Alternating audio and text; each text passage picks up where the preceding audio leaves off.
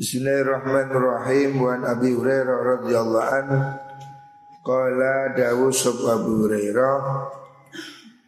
Suila dan lakoni sapa Rasulullah sallallahu alaihi wasallam.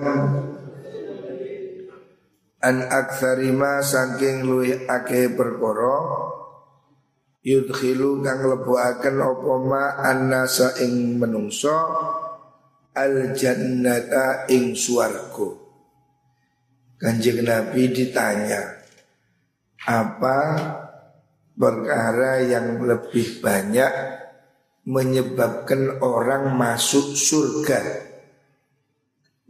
Orang masuk surga itu apa saja yang menyebabkan orang masuk surga. Artinya sahabat ini bertanya faktor-faktor yang bisa membuat orang masuk surga. Di antara sekian banyak itu mayoritasnya adalah Qala dawu sapa Rasulullah sallallahu alaihi wasallam Takwa Allah iku takwa wedi marang Gusti Allah. Wa husnul khuluqi lan baguse pekerti. Dua hal ini yang paling banyak membuat orang masuk surga. Yang pertama bertakwa. Bertakwa artinya menjalankan perintah Allah menjauhi larangannya Gusti Allah. Yang kedua husnul khuluq, bagusnya budi pekerti. Ini faktor yang penting. Dua hal ini yang harus selalu dimiliki orang mukmin, takwa dan husnul khuluq. Hadis ini mengumpulkan dua hal, takwa dan husnul khuluq. Karena takwa itu yang menyebabkan orang berhubungan baik dengan Gusti Allah. Dengan bertakwa dia menjadi baik pada Allah, manut tunduk pada perintahnya Gusti Allah. Sementara husnul khuluq bagusnya pekerti itu yang membuat dia baik dengan sesama manusia. Jadi intinya dua hal ini. Baik hubungan kita dengan Allah Dan harus baik hubungan dengan sesama manusia. Ini hidup ini harus seimbang.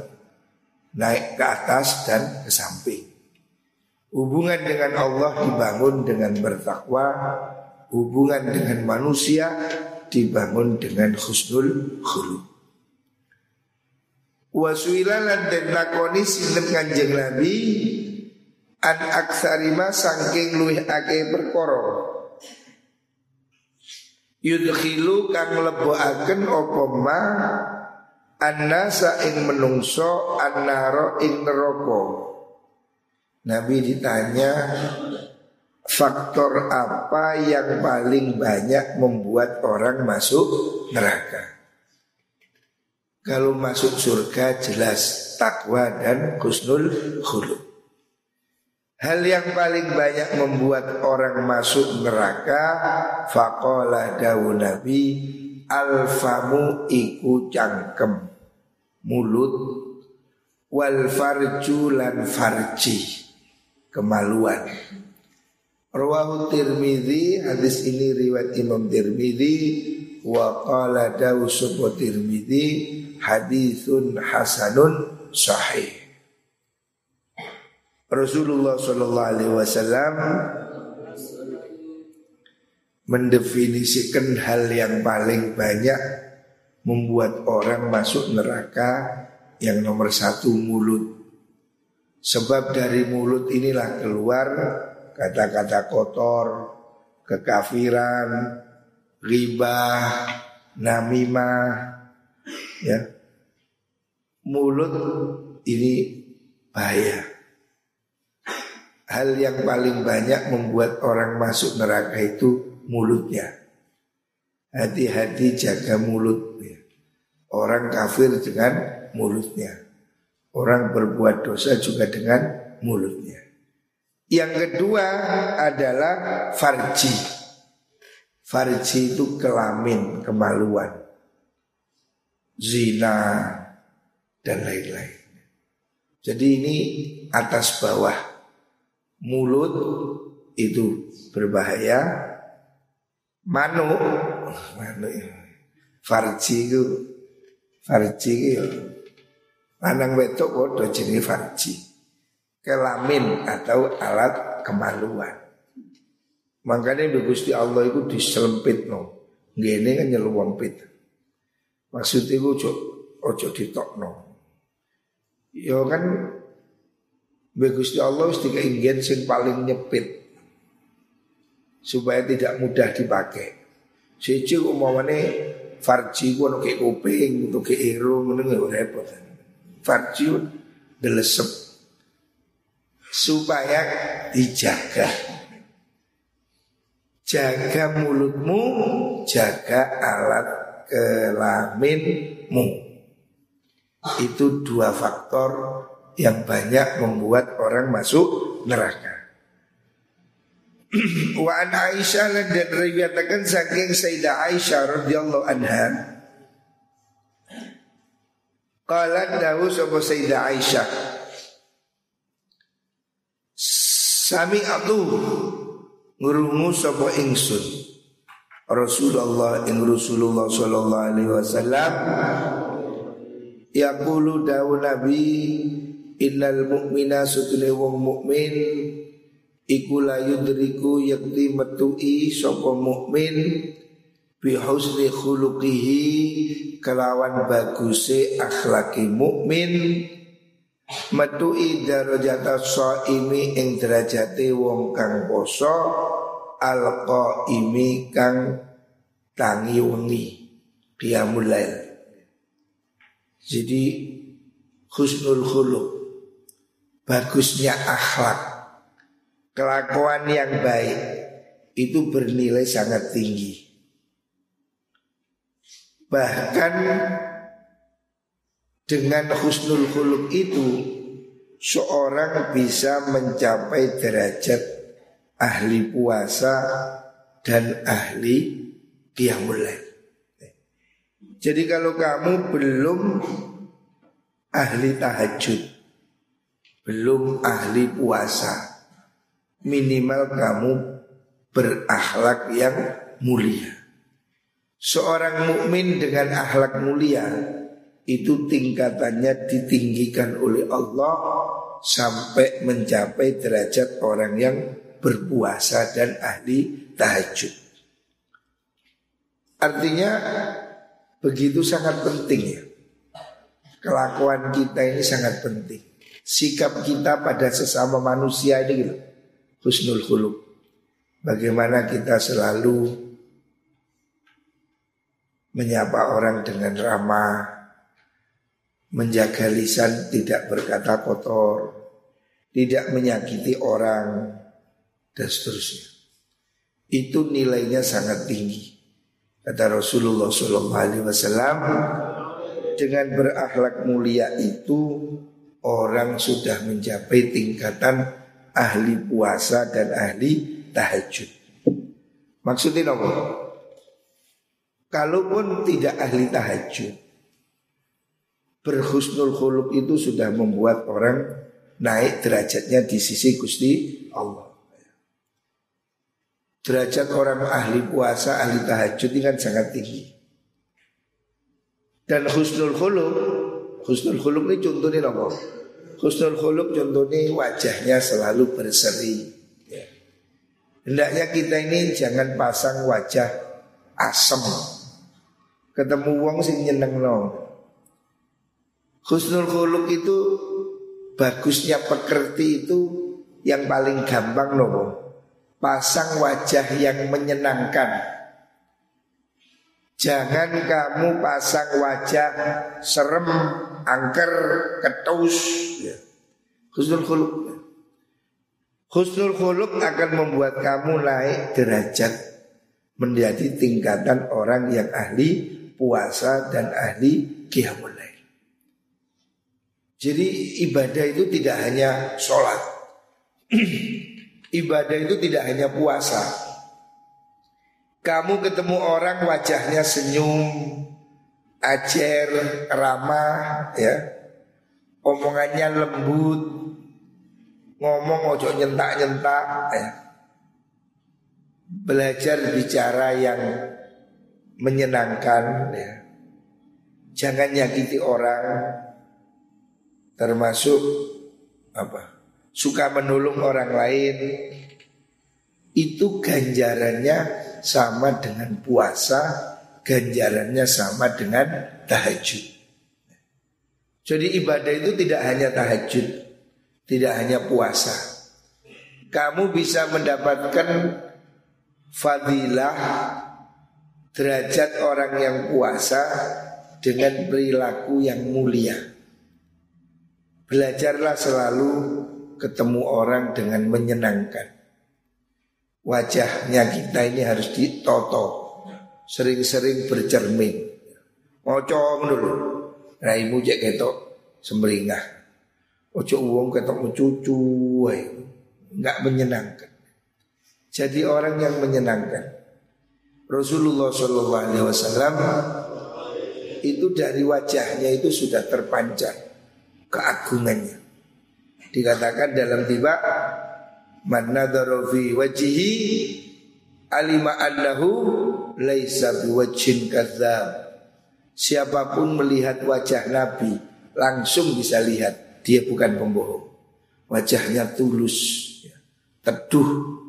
Siapa pun melihatnya pasti mengatakan ini bukan pembohong. Wajahnya itu kelihatan jujurnya, ramahnya asli, tidak dibuat-buat. Itu yang harus kita tiru. Nabi itu kalau bicara faka'an nama durru yaskutu min dzalikal kalam. Nabi itu kalau bicara seakan-akan mutiara jatuh dari mulutnya. Artinya bicaranya itu bagus, menyenangkan. Loh, itu yang harus kita tiru. Jadi niru kanjeng Nabi itu jangan cuma jobahnya, jangan cuma jenggotnya, Niru Nabi itu akhlaknya Keramahannya Ketulusannya Suka menolong Suka membantu Tidak maki orang Tidak meso Tidak mencaci Itulah Itu husnul khuluq. Dengan itu kamu akan naik Kepada tingkatan orang yang ahli ibadah. Jadi ibadah itu tidak hanya puasa. Ibadah itu tidak hanya tahajud. Tapi kamu bergaul sehari-hari dengan teman, dengan orang, dengan situasi yang menyenangkan, dengan perilaku terpuji, itu juga ibadah. Senyum itu juga sodakoh. Tabassumuka fi wajhi akhika sodakoh. Kamu senyum di depan temanmu itu sodakoh. Pahala. Pemane sedang pasar, Jangan pergi ke pasar kalau tidak bisa tersenyum. Total mencucu, ya stop itu. Jadi ada rumusnya. Siapa yang tidak bisa tersenyum dilarang membuka toko. Mesti bangkrut. Uangnya wegah. Penjual kok betete cucu. Ini keramahan itu selalu mendatangkan kebaikan. Terus wa an Abi Umamah Al-Bahili lan dan riwayatakan saking Abi Umamah Al-Bahili radhiyallahu an qala dawu sapa Rasulullah sallallahu alaihi wasallam Kanjeng Nabi dawu anak utai ingsun iku zaimun wong kang nanggung. Saya menjamin saya menggaransi. Ya Nabi memberi garansi. Garansi nopo bibaitin kelawan oma firya fi robadil jannati. Ing dalam taman swargo untuk siapa? Liman maring wong. Taroka kang tinggal sokoman ninggal al-miraa ing poro padu. Nabi menjamin surga untuk orang yang tidak mau bertengkar. Wa ingkana senajan ono sopeman iku muhikon wong kang bener. Bener saja tidak perlu bertengkar. Kalaupun kamu benar, kamu tidak perlu bertengkar. Apalagi kalau kamu salah. Siapa orang yang tidak mau bertengkar walaupun dia benar, benar tapi tidak mau tengkar, maka Allah akan bangunkan dia dijamin oleh kanjeng Nabi dia akan diberi rumah di tengah-tengah surga. Maksudnya VIP. Wabi baitin lan kelawan omah Fi wasatil jannati ing dalem tengahe swarga. Liman maring wong. Taroka kang tinggal sokoman ninggal al kizba ing goroh. Orang yang tidak mau bohong ya. Tidak mau berdusta Orang yang selalu jujur akan dibangunkan rumah di tengah-tengah surga. Wa ingkana serajan ono sokoman iku mazihan wong kang guyonan. Walaupun guyon, jangan bohong. Walaupun itu guyonan. Jadi nomor satu jangan suka bertengkar dijamin digaransi oleh Rasulullah Shallallahu Alaihi Wasallam digaransi masuk surga orang yang tidak mau bertengkar walaupun dia benar. Benar pun tidak perlu tengkar, apalagi salah. Yang kedua, Allah juga Nabi ya, Nabi menjamin Menjamin artinya ya ya dari Gusti Allah. Nabi menjamin rumah di tengah surga untuk orang yang tidak mau bohong meskipun dia guyonan. Wabi baitin lan kelawan omah fi a'lal jannati ing dalem luweh luhure swarga surga yang paling tinggi liman kedua wong hasuna kang bagus opo khuluquhu akhlaki man orang yang berakhlak mulia. Siapa orang berakhlak mulia itu dijamin surga paling tinggi. Ya. karena apa? Khusnul khuluk ini ya sudah semuanya ada di situ. Tidak suka bertengkar tidak bohong itu bagian dari husnul khuluq. Orang tidak mau bertengkar saja oleh Allah sudah dibangunkan rumah di surga. Ya. Jadi ibadahnya tidak bertengkar, gak ngamuan, tidak seneng tengkar, itu sudah dapat pahala. Jadi kamu ada masalah, teman, udah maafkan. Kalau kamu nggak seneng, diem. Jangan ngeladeni pertengkaran. Tidak bertengkar itu sudah dibangunkan rumah di surga. Dan itu digaransi. Ana zaim.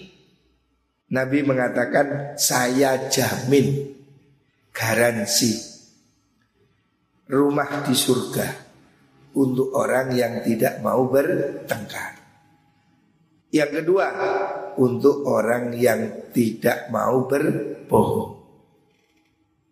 Dan yang paling tinggi untuk orang yang bagus akhlaknya. Bagus akhlaknya ya termasuk tidak bohong, tidak bertengkar, tidak adu domba, tidak menghina, tidak memfitnah, lebih umum. Jadi akhlak mulia kelakuan kita sesama manusia dengan manusia itu juga bagian dari ibadah. Ya. Jadi ibadah itu tidak hanya dengan Gusti Allah. Kamu nolong temanmu itu juga ibadah. Kamu senyum pada temanmu itu juga ibadah. Jadi ibadah ini tidak hanya baca Quran, tidak hanya puasa. Kamu menghilangkan kesedihan orang, menolong beban orang, membantu kesulitan teman, itu juga ibadah. Ya. Apa mana nyaur no utang, konco di utang disauri, ibadah. Pokoknya ibadah itu segala hal yang baik itu ibadah. Kullu birrin sodakoh. Wa Jabirin dan diriwayatkan saking sahabat Jabir radhiyallahu an anna Rasulullah sallallahu alaihi wasallam qala dawu Nabi inna min ahabbikum Sedune iku saking luwe den demeni sira kabeh. Ilayya maring ingsun. Orang yang paling saya sukai. Wa akrobakum lan luwe cedek sira kabeh minni saking ingsun. Apane majlisan majlisi nggon lungguhe yaumal qiyamati ing dalem dina kiamat iku ahsanukum luwih bagus sira kabeh apa nih akhlakon akhlaki. Orang yang paling saya cintai kata Rasulullah Sallallahu Alaihi Wasallam orang yang paling bagus akhlaknya. Dan besok orang yang paling dekat posisinya, yang paling dekat posisinya dengan Rasulullah Wasallam juga sama orang yang paling bagus akhlaknya. Wa inna abghadakum lan sutune wong kang paling den bendoni sira kabeh. Orang yang paling dibenci, yang paling tidak disukai ilayya maring ingsun. Orang yang paling tidak saya suka kata Nabi wa abadakum lan luwih adoy sira kabeh. Ani saking ingsun yaumal kiamati ing dalem dina kiamat iku asar sarun wong kang akeh omonge orang yang banyak omong krono ngengkel. Sarsarun itu artinya orang yang apa itu? Ngeyel. Bahasa sekarang ngeyel. Orang yang sangat ngeyelan. Diomongi bantah ngeyel. Orang yang tidak disukai Nabi itu orang yang ngeyel, banyak ngeyel, ya, nggak mau patuh. Orang yang banyak omong, ngengkel, ngerti ngengkel? Yo ngeyel, apa? Bahasa Indonesia apa? Mengeyel, apa? ngerti ngeyel apa? Bahasa Indonesia apa ngeyel? Yo ngeyel. Artinya ngomong melawan terus Terus apa niku? Wal mutasyaddiqun lan wong kang akeh omonge ya. Mutasyaddiqun niku itu al mutaqah niki lho. Al mutafaihiqun Artinya mutasyaddiqun ya orang yang banyak bicara karena sombong. Jadi orang banyak bicara ini ada yang ngengkel, ngeyel, ada yang banyak bicara itu karena apa? Sombong. Jadi semena-mena ya. Wal mutafaihikun Mutafaihikun itu orang yang me, apa, ngapi-ngapi apa idewi kalau bahasa Jawa ini. Orang yang banyak bicara muji-muji dirinya. Itu jenenge mutafaihikun mutafaihikun itu ngingin uang jadi tiga orang. Orang tukang ngeyel, tukang bentak-bentak, tukang muji dirinya sendiri. Itu tidak disukai kanjeng Nabi. Kalau ngucap sopo sahabat, ya Rasulullah, Qad alimna teman waro kita asar sarun ing maknane asar sarun. Kita sudah tahu artinya sar sarun. Wa mutasyaddiqun lan maknane mutasyaddiqun. Fama mongko iku apa al mutaf napa niku? Al mutafaihikun utawi maknane al mutafayyiqun qala dawu sapa kanjeng nabi al mutakabbirun yaiku wong kang gumedhe rawahu tirmidzi wa qala hadisun hasan. Asar saru te maknani sarsar wa yo sarsar iku kasirul kalami akei omong takallufan krono merti-merti gai-gai kakean omong. Maknane niku. Wal mutasyaddiq utai maknane mutasyaddiq iku al mutatawilu wong kang akeh omongi ala nasi ing atase menungso bi kalamihi kelawan omongane wong. Akeh omong. Wa takallamu lan ngomong sapa wong bimil ifihi kelawan sak kebake cangkeme wong. Ngomong sak jeplake tafahusan krono tafasuhan. Kronon jelas-jelasano. Wa ta'ziman lan ngegungaken Likalamihi maring omongane mat Ya orang yang ngomong dengan Yos ya kementes. Banyak omong Menyombongkan dirinya sendiri. Wal mutafaihik utai maknane mutafaihik aslu utai asali mutafaihik itu iku minal fahqi saking lafad fahqi. Wawaw te fahku ikwal imtila'u ngebek-ngebeki. Wawaw te mutafahik ikwal ladhi wong Yamla'u kang ngebaki sopo wong Famahu ing jangkeme wong Bil kalami kelawan guneman. Wa yatawassa'ulan gawe jembaran sopo wong Fi dalam kalam.